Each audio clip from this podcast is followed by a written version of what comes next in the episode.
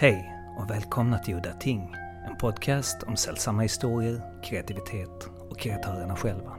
Jag heter Henrik Möller, musiken är skriven av Testbild och den fina loggan till podden skapad av Malmökonstnären Nalle Chinsky. Det här avsnittet ska handla om det lilla independent bokförlaget Hastur förlag och dess förläggare Ola Svensson. Första gången jag hörde talas om Hastur var 2014 när jag fick en bok i present av min vän Martin. Det var Dödens andedräkt, skriven av greve Erik Stenbock. En samling av grevens noveller. Den sanna berättelsen om en vampyr och den andra sidan. Efterordet av Jonas Wessel om grevens liv var den riktiga höjdpunkten i boken. Och jag läser därefter lite kort ur den här. Greven hade ett flertal rum på husets övre våning, varav ett vallmorött och ständigt upplyst av en röd lampa.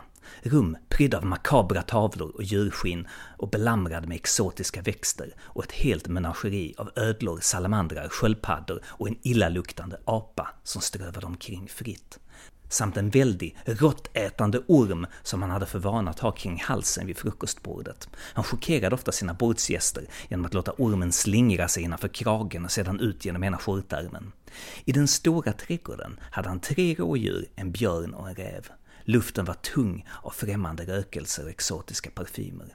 Ibland så kom markägare i trakten förbi i hopp om att gifta bort sina döttrar till den förmögna ungkarlen, men Stenbock var allt annat än intresserad. När de skulle dinera tillsammans hade han med sig sin tama apa. Stenbock beskrivs ha klätt sig i en uppseendeväckande gräll grön kostym och orange kraglös skjorta som matchade hans långa rödblonda hår. När han ville röka opium drog han sig tillbaka till sitt påfågelsblå sovrum, där han hade ett altare med en grön Eros-staty på spishyllan.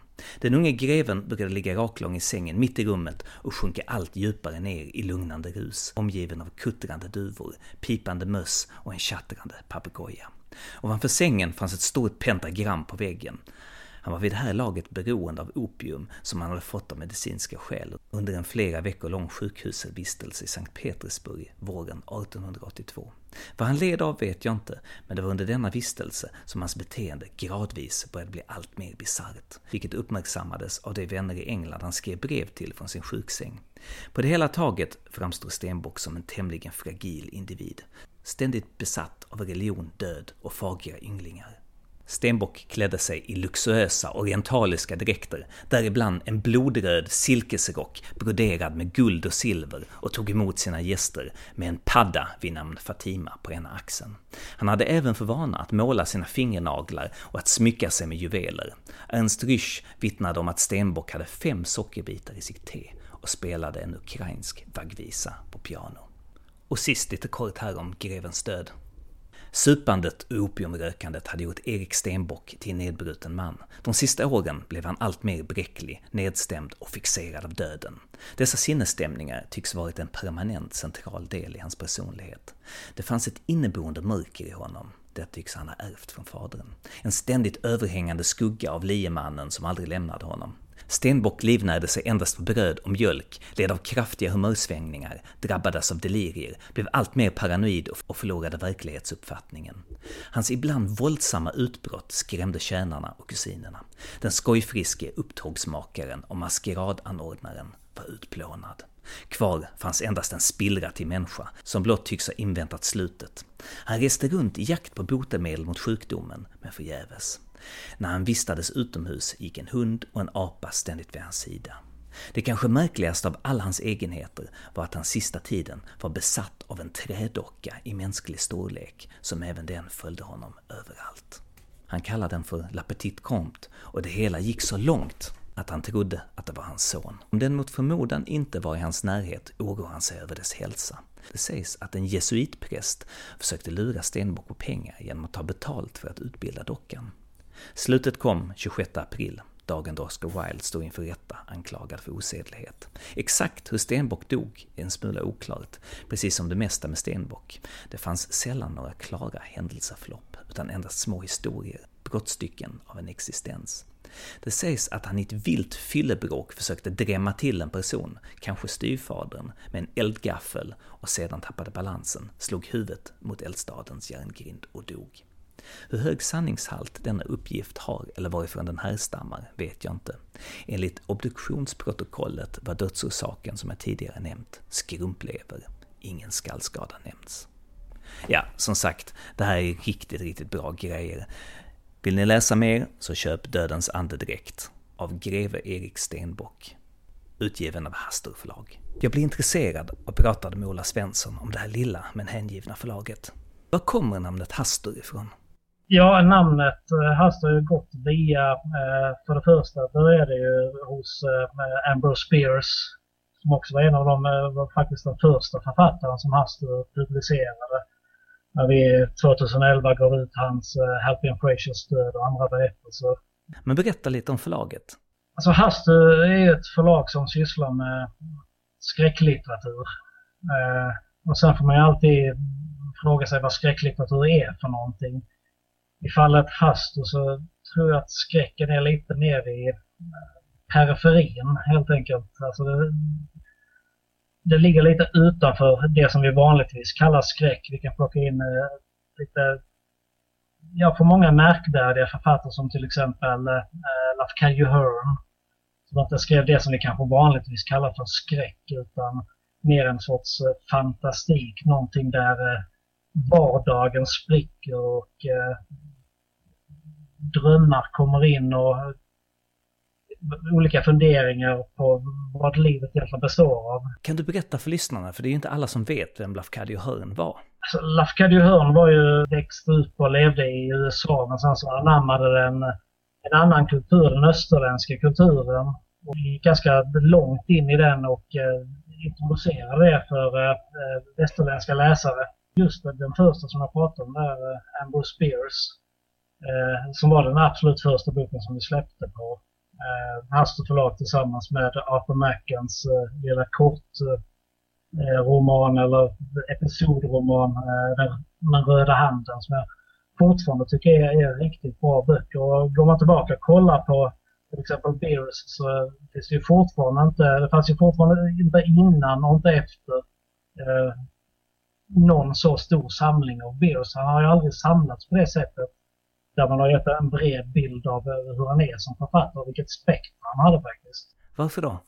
Ja, därför, därför att han blandade det konkreta och det, det fattbara, till exempel eh, krigens, eh, alltså det då speciellt det amerikanska inbördeskrigets fasligheter med ren skräck på något sätt. Och då fanns en unik form av nästan, han var ju journalist eh, i början, eh, i grunden och eh, det sättet han skrev på det tror jag har inspirerat ganska många senare författare. Och sen så har man ju också hans öde som människa, att han eh, red ut och eh, försvann spårlöst, vilket också spett på myten om Ambrose Spears som en eh, märklig människa helt enkelt. Om vi nu inte ska släppa Lafcadio Hearn riktigt än så. Han, han, han vistades en tid i eh, New Orleans eh, på eh, slutet av 1800-talet och skrev en massa korta, vad ska man säga, nästan, nästan blänkare i, i, i tidningarna på den tiden och introducerade en sorts drömmystik som inte existerade och en prosapoesi som inte fanns i USA. Så här pratar vi nästan i samma tidevarv som Baudelaire och Rimbaud och de stora franska prosaförfattarna, alltså prosapoetiska författarna. Och eh, Lafcadio gjorde det med en skräckmystik. Det vill säga, alltså, vi kallade den här boken för Drömmar om den älskade döda. Eh, vilket eh, jag tycker är en bra titel för att det ger liksom en, en bild av honom som person helt enkelt. Vad han var för en människa och eh, vad han var intresserad av. Men vad är det som gör honom så speciell enligt dig? Han har ju ingen eh, mytologi, till exempel som Lovecraft har. Där är ju skräcken, eh, alltså Lovecrafts skräck är, är ju väldigt tydlig och klar. Han har en mytologi, eh, han vet vad han vill berätta. Och det intressanta med det där tycker jag egentligen är att Lovecraft som ändå var en materialist, som kanske inte riktigt trodde på det han skrev utan bara berättade fantastiska sagor, berättelser, noveller. Eh, det är lite annorlunda med till exempel sånt som Lafcadio Hearn som eh, faktiskt tror på det han skriver så gör en sorts livsfilosofi kring det som han skriver ner. Någonting man kan leva efter, eh, någonting man kan tro på. Och det är lite samma sak med till exempel andra böcker som jag är stolt över. Gustav Meyrink till exempel. Kan berätta lite om Meyrink? Ja, han är ju mest känd för att han skrev Golem och det är egentligen det alla vet. Men eh, vi på Astor ville liksom leta ut eh, hans andra grejer för att eh, det finns så mycket som är intressant med Gustav Meyrink. En eh, jude som bodde i Prag, besläktad med Kafka och eh, Herman Ungar som de flesta inte känner till men som är en fantastisk författare. Paul Lepin som vi släppte på Hastur för ett par år sedan. Gustav Meyrink använder skräcken på det sättet som jag tycker att skräcken ska användas och så som jag utnyttjar den på eh, Hastur på något sätt. Det vill säga att skräck här är inte någonting som är fasansfullt utan det är mer drömskt om det förstår vad jag menar. Det handlar liksom om eh, två separata liv. Du har kroppens liv, du har eh, själens liv. Och sen eh, själva de störande momenten mellan dessa två liv, de skapar en sorts ångest, obehagskänsla som jag tycker är mer riktig skräck än kanske till exempel Lovecraft är, som är ändå avgudar och som är urkunden för allting som jag har gjort på något sätt. Vilka böcker av Mayrink är det nu som ni har gett ut? Hittills har vi gett ut tre saker på Mayrink och det är ju, för det första då var det ju Golem, det gavs ut på Vertigo ett antal år tillbaka. Eh, och sen efter det så gav vi ut eh, hans eh, roman Det gröna ansiktet. Som handlar om liksom hur världen håller på att ta slut och hur människor reagerar när man ser att allting kommer till en ända på något sätt. Och det som jag sa, det, är en, en skräck som är fylld av mardrömmar. Den är inte så fysisk som till exempel Lovecraft är i sin skräck. Den har snarare påminner om eh, Hoffman till exempel, alltså de här tyska romantikerna. Det går mer i den känslan. Men, men det gröna ansiktet och eh, sen så går vi ut eh, valborgsmässa efter det och sen så en eh, billig samling av hans noveller i eh, Den violetta döden. Så jag tror också, det är lite det jag är stolt över också, att, man, eh, att de flesta känner till eh, Merink Eh, genom Golem. Men det finns så mycket mer att läsa om honom som är minst lika bra. Han är, han är helt fantastisk. En person som jag tycker att vi på något sätt har introducerat på nytt det är ju Hans Heinz Evers som är mest känd för sin eh, alruna. En sorts Frankenstein-roman där en eh, vetenskapsman skapar en, en artificiell kvinna utifrån eh, alrune-rotmyten. Och eh, sen har vi också följt upp det här med att eh, fortsätta med, med, med Evers. Och efter det så gav vi ut att han skrev en fantastisk essä om Edgar Allan Poe. Sen har vi också dessutom efter det gett ut Det groteska som är en samling noveller som han skrev under sina ungdomsår. Vad har du för planer med Hastur framöver? I grund och botten så är det faktiskt Hastur ett eh, klassiskt skräckförlag. Så att eh, vi, vi kommer återgå till de här som jag tycker är de stora klassikerna, vilket även eh, Lovecraft tyckte. Till exempel Arthur Macken, eh, Algernon Blackwood, Lord Anzini. Stora namnen. Jag, jag, tror att när man, när då så kallad gemene man eh, väljer ut och vill läsa skräck så vill man ha någonting som gör en rädd för att det är utomvärldsligt. Ja, det är en verklighetsflykt och det är ett sätt att stiga utanför sig själv. Men skräck för mig är mer någonting att man går in i sig själv och tar tag i de saker som verkligen är obehagliga.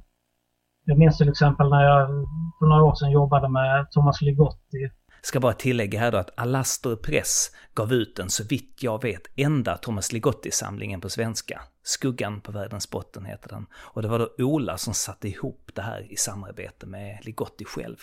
Jag hade direktkontakt med Ligotti och vi diskuterade för det första vilka noveller vi skulle eh, välja.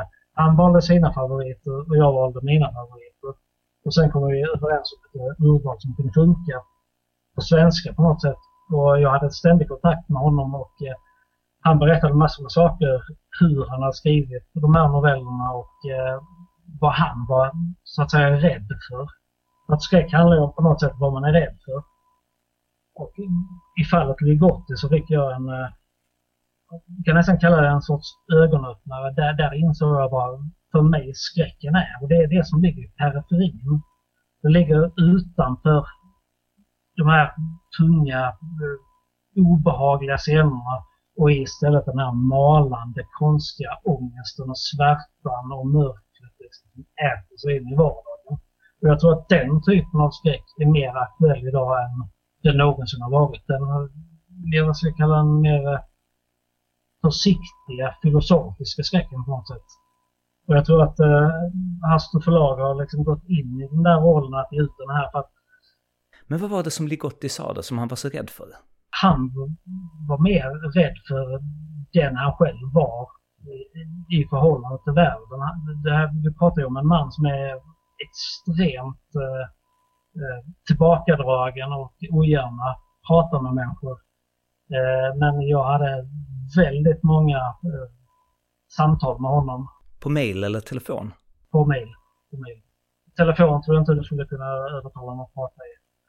Joe Pulver som jag intervjuade i tidigare avsnitt då om The King in Yellow, han hade ju haft kontakt med Ligotti över telefon. Så det finns tydligen möjlighet. Jag kan fortsätta lite på Ligotti där för att det, det ligger ändå eh, liksom väldigt nära vad, jag försöker göra med Hastur. Jag, jag tycker personligen att eh, Thomas Ligotti är den absolut största skräckförfattaren som existerar idag. Alla kategorier. Eh, det finns ingen som skriver skräck på det sättet. Som har en sån här mörk kraft att eh, förmedla någonting som faktiskt kan eh, tilltala nästan alla människor. Men sen har han ju också någonting annat och det är en sorts filosofisk ådra som eh, de flesta har svårt för, för att den är så komplicerad. Människor tycker oftast eh, att han, hans noveller är för långa, det, är för mycket eh, filosofiska spekulationer. Jag skulle säga att han är dagens eh, Gustav Meyrink. Han skriver på exakt samma sätt. Och jag pratade faktiskt en del med, med Ligotti och Meyrink också. Och eh, frågade dem lite om hans inspirationer. De uppenbara blir ju alltid Lovecraft eller de stora skräckförfattarna. Men, men han har en annan ådra som, som, som går djupare filosofiskt. En form av ångest som kanske inte är så synlig sådana som Lovecraft. Sen har du någonting annat också om du tittar på till exempel eh, Algernon Blackwood eller eh, Arthur Machen så ser du ju människor som försöker skapa en sorts filosofi att leva efter. Och det, det, det bygger på en annan form av skräck. Vad var det för livsfilosofi som de ville förmedla då? Ja, om du, ja, om du tittar närmare på det till exempel så kan du se att en sån som Macken som var... Jag skulle tippa på att den människa i, i författarhistorien som han kände sig närmast var säkert eh, Thomas de Quincey, eh, Opiätaren. Eh, eftersom eh, han var journalist först och främst. Han skrev för att överleva. Men samtidigt i sitt skrivande så försökte han stoppa in någonting som var heligt. Och i det heliga så uppstod skräcken, alltså det som är obehagligt. Och, och det, mest tydliga biten av det, det är ju faktiskt att de skriver om Pan till exempel. Både Blackwood och Macken hade en väldigt intrikat känsla för naturen. Det vill säga att det fanns någonting i naturen som var både stärkande och nedbrytande. Och det kan man ju se i en sån historia som eh, den store eh, guden Pan till exempel. Att Pan är både natur och förgörelse. Det finns så tydligt där. Och går man till Blackwood så kan det nästan se det ändå tydligare. Att man bygger en sorts, eh, vad ska jag kalla det, en sorts eh, tro kring eh, vad du skriver genom att gå in och skapa en eh, unik religion. En sorts panteistisk religion nästan.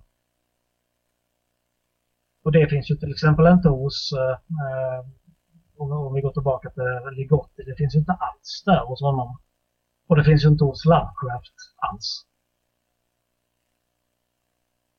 Ja, det är en mer nihilistisk eh, mörk liksom. Att, och det är också under de, om vi går tillbaka till det när jag pratade med honom, om man går tillbaka till det så han är den typen av person som gräver sig så djupt ner han kan i mörkret för att i det becksvarta mörker kunna hitta någonting som kan lyfta honom ut. Alltså, där man är där nere och har upplevt det värsta, ja då kan man lyfta sig. Det var den känslan jag fick av mejlkorrespondensen som jag hade med Ligotti. Hastur har även gett ut en begränsad upplaga små mini-pocketböcker i en serie kallad Vargtimmen. Jag skulle vilja läsa beskrivningen av dem just nu. Så här står det. Vargtimmen. Stunden mellan bäckmörker och gryning klockan tre till fem på morgonen då kroppens aktivitet är som lägst. Men vissa av oss kan inte sova när detta ingenmansland råder. Blodet bubblar av melatonin, kroppstemperaturen och blodtrycket sjunker till dygnets absolut lägsta nivåer och ämnesomsättningen går ner. Vi blir zombier, fjättrade i ett limbo. Vi är varken levande eller döda. Inte sovande och inte vakna. För just dessa stunder, då fingrarna trevar efter nattlampan, eller du drar en tändsticka mot planet för att tända ett stearinljus, det är då som böckerna i serien Vargtimmen är tänkta som lämplig läsning. Det är mer eller mindre korta böcker, alltid illustrerade och tryckta i begränsade handnumrerade utgåvor. Se till att inte missa något nummer. Jag tyckte det var en riktigt bra beskrivning. Gör i alla fall mig sugen att läsa mer. Jag frågade Ola om han hade några avslutande ord om Hastro förlag. Saken med Hastro det är ju att, det är ju att jag ger ut det som jag själv tycker om. Och jag hoppas att så många människor som möjligt tycker om det. Och jag har också en, en stor känsla och kärlek inför eh, våra trogna läsare, de som jag som prenumeranter. Folk frågar mer efter vad, vad är Hastus nya bok? Vilken bok kommer ni ut? Jag har aldrig hört någon säga till exempel vad kommer ges ut på Bonniers eller Norstedts eller eh, något annat sånt där. Att de människor som verkligen tycker om det som vi gör, eh, de är mer trogna förlaget än författarna det är alltid intressant på något sätt vad vi gör. Då tror jag det, det, det beror bara på att eh, det är udda böcker hela tiden. Om man ska verka som ett riktigt litet förlag, vilket vi är, så, så är det nog eh, den vägen man kan gå. Avslutningsvis så kan jag säga att om ni vill läsa klassiska verk av skräck och fantastik översatta på svenska så är Hastur förlag definitivt för er. Gå in på deras hemsida, hasturförlag.se och kolla redan idag. Och med de orden så var det slut för den här gången. Jag heter Henrik Möller, musiken är skriven av Testbild. Hejdå.